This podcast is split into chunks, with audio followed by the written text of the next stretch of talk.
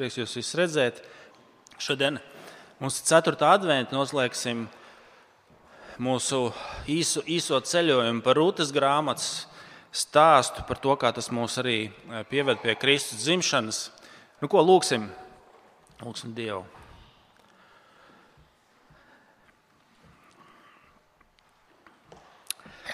Tās tiešām tu caur savu dēlu, caur uh, visiem laikiem esi devis glābšanu un pestīšanu tiem, kas ir mazi, kas ir necili, kas ir garīgi izsalkuši un izslāpuši.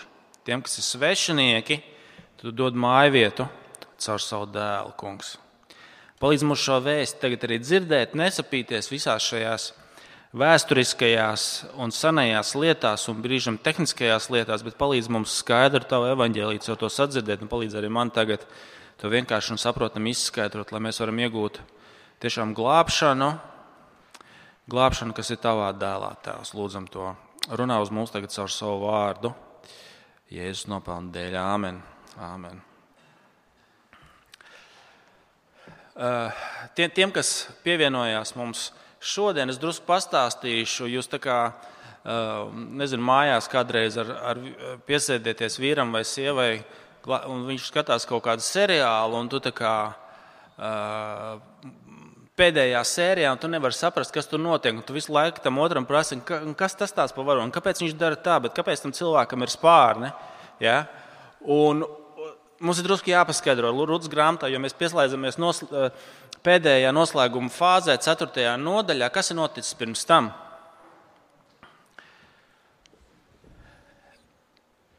Šis visu rūtis stāsts ir par to, kā tautai, kas ir haosā, jo tas ir haosa laiks, soļu grāmata ir haosa laiks, notiek soļu laikā Tas ir haosa laikā. Kā haosā Dievs glābi savu tautu? Kā Dievs šajā haosā viņam dod ķēniņu?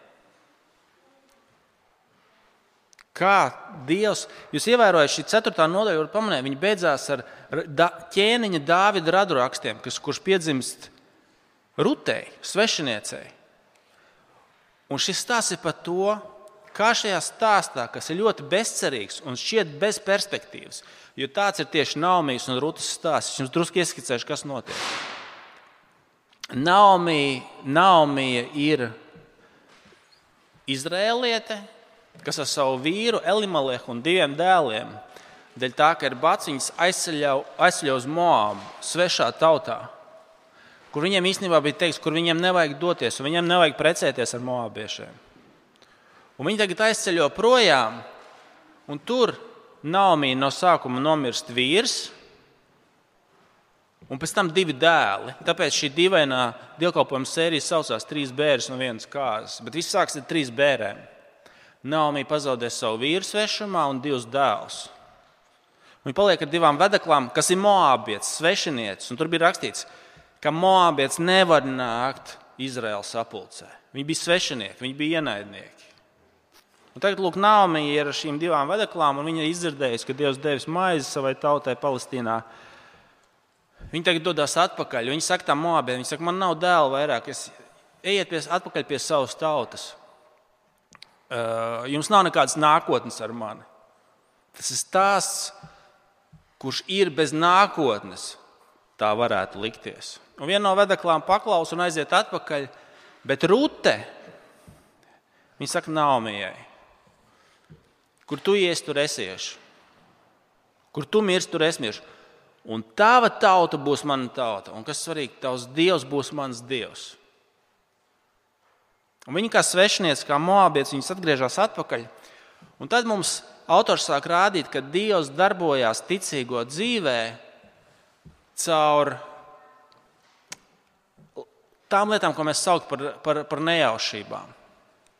Dievs it kā darbojas aiz kadra. Tev cilvēciski var likties, ka viņš neko nedara, ka viņa nav. Uh, mēs redzam, ka, uh, ka Nāmija nenormāli rūkt uz Dievu. Dievs man ir pāri darījis. Ja? Bet Dievs, viņai šķiet, ka Dievs neko nedara, bet Dievs darbojas it kā aizkadrā. Un, un, un tad sākās tas, ko autors sauc par tām saucamām tā nejaušībām. Un tā nejauši gadījās, um, kad Naomi nāca lasīt. Es atkal sajaucu, nevis Nāmī, bet Rūta nāca lasīt graudus, un tā netīšām gadījās, ka viņi nonāca Boāza tīrumā. Nejauši. Bet viņai tur vajadzēja nojaukt, un Dievs viņu tā vadīja, jo viņš kļūs par šo izpircēju viņām. Un tā gadījās, ka tieši Boas tajā brīdī ieradās. Ja? Tas, ko mēs cilvēki saucam par nejaušībām, Dievs darbojas aizkadrā. Un tev, tev mīļais brāl, māsa, eh, liksies, ka Dievs neko nedara, ka viņš ir atslēdzies. Un ar to te autors pasaka, pat ja tu neredzi, Dievs nekad jūs neatstās un nepametīs. Nu, lūk, un tad Naumija uzzina, ka Rute bijusi tieši Boāza laukā, viņa saka, klausies. Viņš ir mūsu izpircējs. Un ko tas nozīmē? Viņš var kļūt par mūsu izpircēju. Ko tas nozīmē? Tas ir likums no 5. mūzes grāmatas, kur Dievs saka, ja ir bijusi kaut kāda ģimene, un vīrs nomirst, tad viņa brālim ir pienākums aprecēt to atraitni ar, ar, ar šo uzdevumu lai viņa vārds neizzust no zemes virsmas. Un tad mēs redzam, šeit, ka šis likums tiek pap paplašināts kā tāds dievbijīgs princips. Kad, kad Naomi saka, klausies, šis te boās varētu kļūt par mūsu izpircēju. Viņš varētu mūs ņemt zem savu spārnu, tā teikt. Un vairāku notikumu gaitā Boās saka, labi, es kļūšu par jūsu izpircēju, es ņemšu rūtu par sievu, bet ir viens, kas ir vēl tuvāks. Ir kāds vīrs, kas ir tuvāks. Un te mēs beidzot nonākam līdz 4. nodaļai, un varam ķerties pie teksta, kur Boās ierodas pilsētas vārtos. Jūs redzat, pirmais pants, 4.1. Boās nonāca, ienāca vārtos un apsēdās tur, un redz, gāja garām izpircējs, par ko Boās bija runājis. Un Boās sacīja, nāc apsēties šeit. Tas pienāca un apsēdās. Pilsētas vārti ir kā notāra birojas. Tā ir tā vieta, kur tiks slēgti darījumi. Un tad ierodās šis otrs potenciālais izpircējs radinieks, kas ir tuvāks, kurš var iegau, iegūt rūtas īpašumu. Naomijas un rūtas šo, šo īpašumu. Un Boās pie viņa vēršās, viņš saka, klausies. Um, Tu vari, tu vari dabūt, tu, tu, tu šo zemi vari dabūt. Vai tu gribi to ņemt? Ja tu būsi izpircējis, tad izpērci, ja nē, tad es ņemšu. Un, protams, šis izpircējs domā, nu, cik man ir zināms, Naumijai nav nekāda īpaša iespēja, ka viņai nebūs vairs nekādi bērni. Man, es ļoti viegli tikšu pie brīva īpašuma.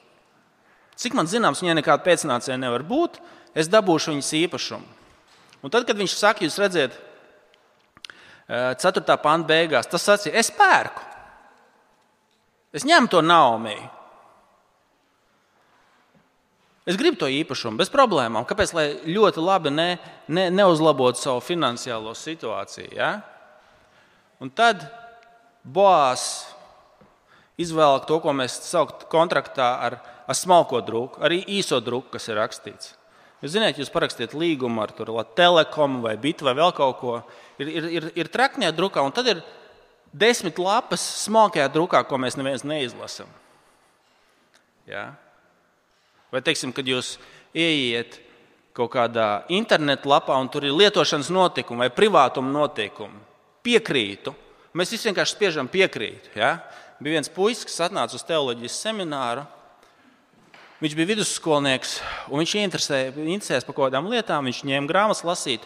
Viņš kaut ko prasīs, vairs neatceros par lekcijām vai kā. Un es saku, atstāj savu telefonu, mēs te piezīmēsim. Viņš saka, man nav mobilā telefona. Mēs tā kā,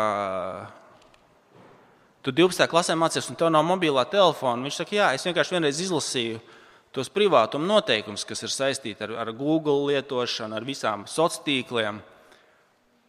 Un viņš vienkārši tāds tips bija, kas viņus izlasīja. Viņš teica, man, es to negribu. Ja?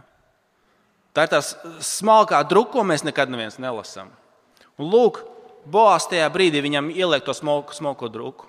Tad, kad tu ņemsi Naumiju, to jāņem arī Rute. Ja? Tas ir piektais pāns jums priekšā. Tad Boās teica, tad tādā dienā, kad tu saņemsi šo tīrumu no Naumijas rokas, no Moabietas Rūtas, mirušā atraitnes, tu būsi saņēmis to, ka tev jāsaglabā mirušā vārds viņa mantojumam. Un tad brīdī pēkšņi tas, tas kas gribēja, viņš saka, o, o, o, o, o, o, o, stop! Viņš izlasīja smalko roku, viņš saka, nē, es negribu. Es negribu sabojāt savas mantojuma tiesības. Redziet, viņš saka, sestais. Bet izpircējs sacīja, es nevaru to izpirkt, lai neizpostītu savu, savu mantojumu. Izpērc tu pats man izpērkamo, jo es nevaru izpirkt. Ko viņš ar to pasaka? Viņš saka, tur būs vēl kaut kāda pēcnācēja tagad. Man jāsaglabā, man ir jānes upuris. Man ir kaut kas jāziedo šo pasākumu labā. Tas man maksās. Mans, resti, man būs jādala savs īpašums tagad ar, ar, ar tiem bērniem. Jūs saprotat? Es to negribu. Man tas nav vajadzīgs. Ja? Es šo upuri neesmu gatavs. Man pēkšņi savs īpašums būs jādala ar citiem. Un viņš pasakā, stop, es to negribu. Ko mēs redzam šajā boāza gatavībā precēt rūti, lai saglabātu viņas vārdu? Redziet, kā viņš saka 5. pantā. 5. pants. Tajā, eh, tajā dienā, kad tu saņemsi šo tīrumu no Naomi rokas, no Moabietas rūtas, mirušā atraitnes, tu būsi saņēmis to, ka tev jāsaglabā mirušā vārds viņa mantojumam. Tas bija šis izpirkšanas mērķis, saglabāt vārdu mirušajam. Es jums pastāstīšu, kas šeit notiek un ko Boās ir gatavs darīt. Es nezinu, vai jūs par to kādreiz esat domājuši, bet man šeit ir ienācis prātā, ka, ka paudzes, kas ir divas, divas tālāk no manis, tad, tad divas tā, paudzes tālāk no manis es tos cilvēkus vairs nepazīstu. Tālākais, ko es konektējos, ir mani ve, nu, vecā un vecais tēvs. Tālāk man tie ir sveši cilvēki. Mans vecvectēvs, vecvecā mamma, man tur ir lietuvieši. Jā. Es nejūtos kā lietuvietis. Man ir poļi, es nejūtos kā polis. Viens vecais tēvs Ansis ir no, uh, no Pērnavas, bet spriežot pēc tā, ka viņš bija skroders un spēlēja violi, ja, man ir aizdoms, ka viņš nebija igauns man viņa māte. Ja? Bet es tos cilvēkus nepazīstu. Man viņi ir sveši. Par to, par to ir šeit runa. Kā saglabāsies tavs vārds? Pēc pāris paudzēm viņi vairs nebūs. Divas paudzes vēlāk. Visdrīzāk, ka tavs sasniegumi nebūs tādi, lai tev kāds atcerēt, atcerētos tavs vārds aizies nebūtībā. Un ar to kungs mums šeit sāk ieskicēt to, ka bez Kristus, bez viņa glābēja, tavs, tav dzīve būs kā maziņš burbulītis, kas būs uzpeldējis, pārsprādzis un pazudis. Un neviens tev vairs nekad neatcerēsies. Tavs vārds būs pazudis. Un šī izpirkēja uzdevums bija saglabāt tev vārdu. Saglabāt tavu vārdu. Un Boās mums šeit norāda uz labāku boāzu, uz citu izpircēju, kuram viņš ir vecvec, vecvec, vecvec tēvs. Caur ķēniņu Dāvidu un ķēniņu Kristu, kura radu rakstos ir boās un svešiniece Rūta. Un tā ir galvenā doma, ko mēs šeit, šeit redzam. Kungs pat svešiniekiem saglabā viņu vārdu, dodams dēlu. Dievs dod savu dēlu. No sākuma tas ir, tas ir uh, Boāza un Rūtas bērns. Bet tad tas ir ķēniņš Dāvids, un tad cits labāks ķēniņš, labāks Boāzs, kurš ar savu upuri uzņemdamies to, kas viņam nav īstenībā jādara. Viņam tas nebija jādara. Boāzam tas nebija jādara. Viņam nebija jāsabojā savs īpašums. Jā. Viņam nebija jāsabojā savu dzīvi ar šīm problēmām. Viņš mums norāda uz labāku izpratni, Kristu, kurš, lai izglābtu mūs tā prieka dēļ, kas viņam bija priekšā nolikts, uzņēmās ciešanas un kļuva mums par glābēju, lai mūs izglābtu. Dievs saglabā vārdu pat svešiniekiem, dodams savu dēlu. Boās ir izpircējs, kurš uzņemas šo upuri, lai saglabātu vārdu, lai izglābtu, izglābtu citus. Mēs pirmkārt redzam, ka šeit Boās mums norāda uz labāku Boāzu, uz Kristu. Tāpēc Boās ir Jēzus rakstos, jūs atšķirsiet Mateja evaņģēlīju, jūs atšķirsiet, kur ir Jēzus radu raksti. Jūs, jūs redzēsiet, ka tur ir tam, ko mēs parasti pārlecam pāri, bet tas ir svarīgi. Tur ir Boās un tur ir svešniece Rūta iekšā. Tā ir pirmā lieta. Mēs šeit redzam Boāzes personā izpircēju. Otrkārt, mēs šeit redzam cilvēku, kuram nav vārda. Ko tas nozīmē? Paskatieties, otrais izpircējs. Mums ir, mums ir Rūtas vārds, mums ir Nāmijas vārds, mums ir Elimaleha vārds. Mums ir divu dēlu vārdi. Ja? Bet mums ir viens cilvēks, kuru vārds mums nav zināms. Tas ir tas izpircējs, kurš izvēlas neuzņemties upuri. Ievērot, ja? mums ir bojās, bet tur mums viņš vienkārši ir kaut kāds, kaut kāds cilvēks, kurš tajā brīdī, kad viņš uzzina, ka, viņš ne, ka viņam jāuzņemās upuris, viņš pasakā, nē, sorry, es to nedarīšu. Sorry, man tas nav vajadzīgs, tas ir pārāk sarežģīti, man tas rada nērtības.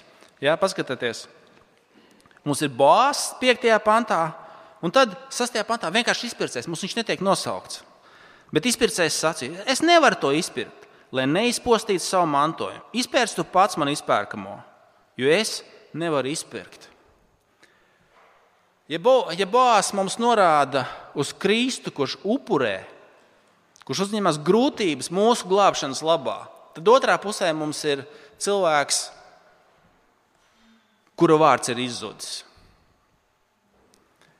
Viņš ir aizgājis pa to ceļu,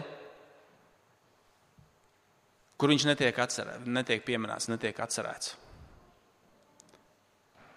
Viņš ir pretēji tam, kāds ir Kristus, kas, kas neuzņēmās ciešanas, neuzņēmās kalpošanu, un viņa vārds ir izzudis. Ziniet, tas pirmkārt norāda uz to, kādā veidā Kristus mūs glāb. Viņš, viņš glāb mūs caur savām ciešanām. Bet Viņa vārds ir mūžīgs vārds, un viņa vārds ir glābšana. Es jums nolasīšu, ko apstults Pāvils saka vēstulē Filipiešiem.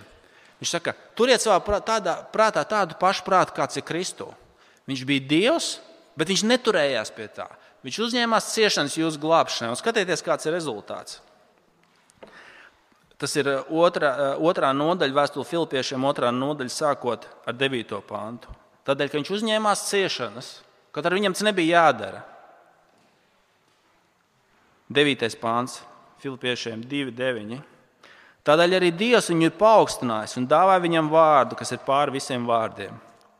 Lai Jēzus vārdā visi mestos ceļos, kas debesīs un kas virs zemes un zem zemes, un lai katru mēru apliecinātu, ka Kungs ir Jēzus Kristus, Dievam Tēvam par godu. Kāds ir glābšanas ceļš? Tas mums parāda, kā Kristus glābs. Nevis, nevis bez sāpēm, nevis bez ciešanām, bet uzņemoties upuri. Kādā, kāpēc Kristus vārds ir pāri visiem vārdiem, un viņa vārdā visi apliecinās, ka viņš ir kungs? Kāpēc viņa vārds ir mūžīgs? Tāpēc, ka viņš ar savu upuri mūs izglāba. Viņam tas dārgi maksāja. Viņš ir labāks, labāks boss mums.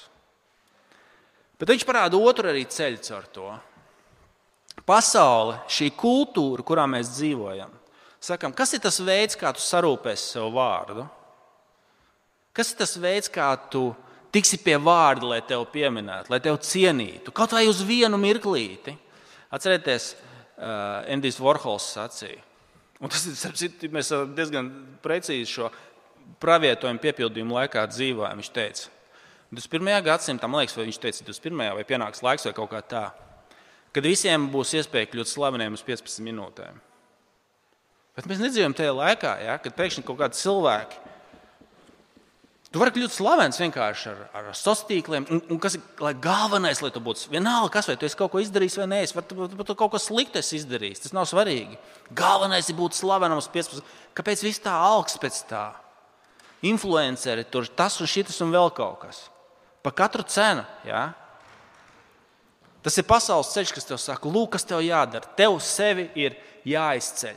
Tev ir jāgrab, jāgrab šī minūte, kaut arī 15 minūtes, bet grāb tagad, grāb šajā brīdī.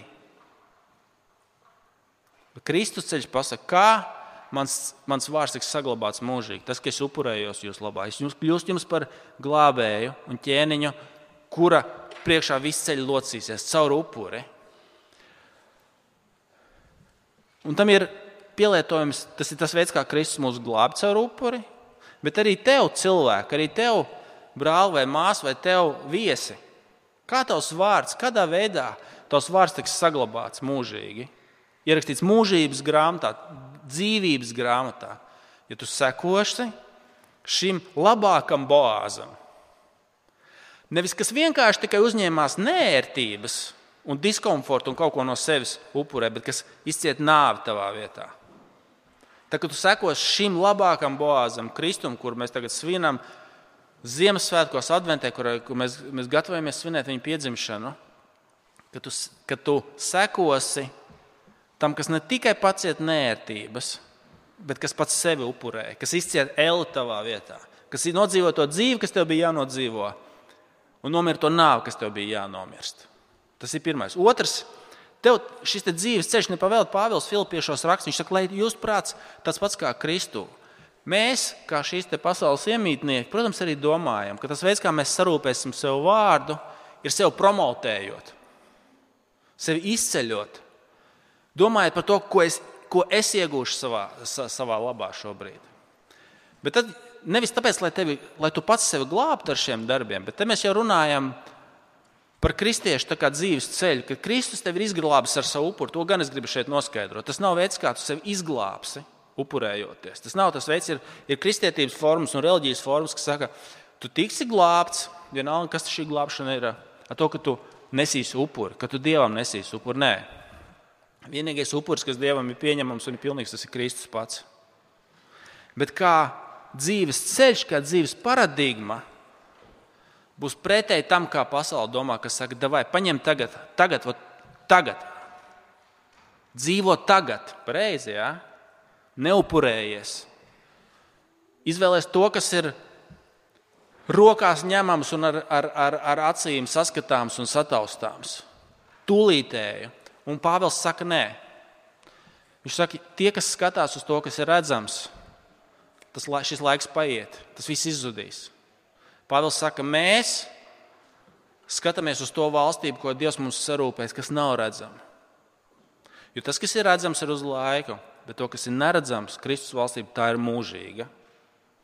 Un arī tu, tas kristiešu ceļš nozīmē sevi, ka tu darīsi lietas, kas uh, tūlītēji nebūs uh, saprotamas cilvēkiem. Varbūt tas nebūs saprotams tavai ģimenei, tur, draugiem, vēl kaut kam. Liekas, tu esi muļķis. Kāpēc tu upurējies, kāpēc tu kalpo ar evaņģēlīju citiem, kāpēc tu dari lietas, kas tev nedod neko tagad? Tad Pāvils saka, tieši tas ir tas cilvēks, kur vārds saglabājas. Un tas, kurš ir gājis par tūlītējo ceļu, mēs pat viņu vārdu vairs nezinām. Tā būs ar katru. Ja? Tā būs ar katru, kas neskatās uz, uz Kristus mūžīgo valstību, bet uz to, kas ir tikai tagad. Viņa vārds ir vienkārši kaut kāds, kaut kāds izpircējs. Kaut kā, mēs pat nezinām, viņš varēja būt, bet viņš nebija. Viņš izvēlējās neiet pa Kristus ceļu, bet par pretējo. Un arī tev, kur tu esi ticīgais brāl un māsa, tu esi kalpojis, tu esi darījis, un tu neredzi tur līdz rezultātu. Tu neredzi tam nekādu jēgu vai labumu.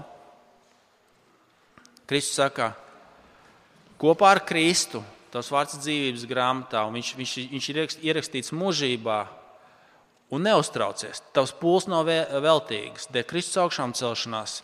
Tava darba augļi nepazudīs, tava kalpošana, viņa valstības labā evaņģēlijam neies, neies zudumā. Ja? Kā, kā Kristus saka, tas, kas savu dzīvību gribēs saglabāt, tas to pazaudēs. Un kas to zaudēs manas un evaņģēlīja dēļ, tas to iegūs. Ja? Tas ir, tas ir šis ap, paradoks apgriezties, bet Rūtas tās mums to pasaka. Boās, kas iet Kristus ceļu, viņa vārds tiek saglabāts. Un otrs, kas pat nē, es ņemu to, kas tūlīt, to, ko es varu paņemt rokā. Mēs pat viņu nezinām, viņa vārds ir izzudis. Viss, ja?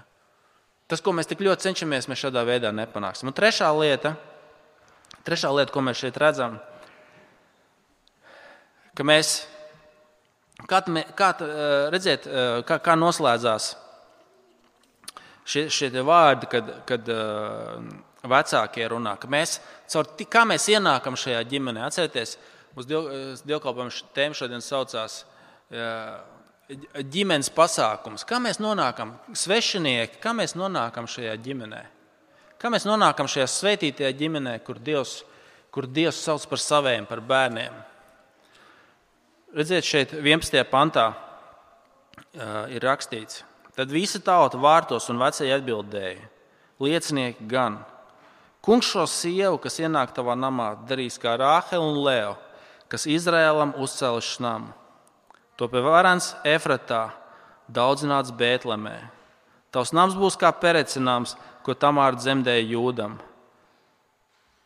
Tā dzimuma dēļ, ko kungs tev dos no šīs jaunās meitas. Tā dzimuma dēļ, kas tev dos no šīs jaunās meitas. Kā mēs tur ienākam? Kā mēs, kā mēs ienākam Dieva ģimenē? Šie radu raksti beidzās ar Jēzus piedzimšanu.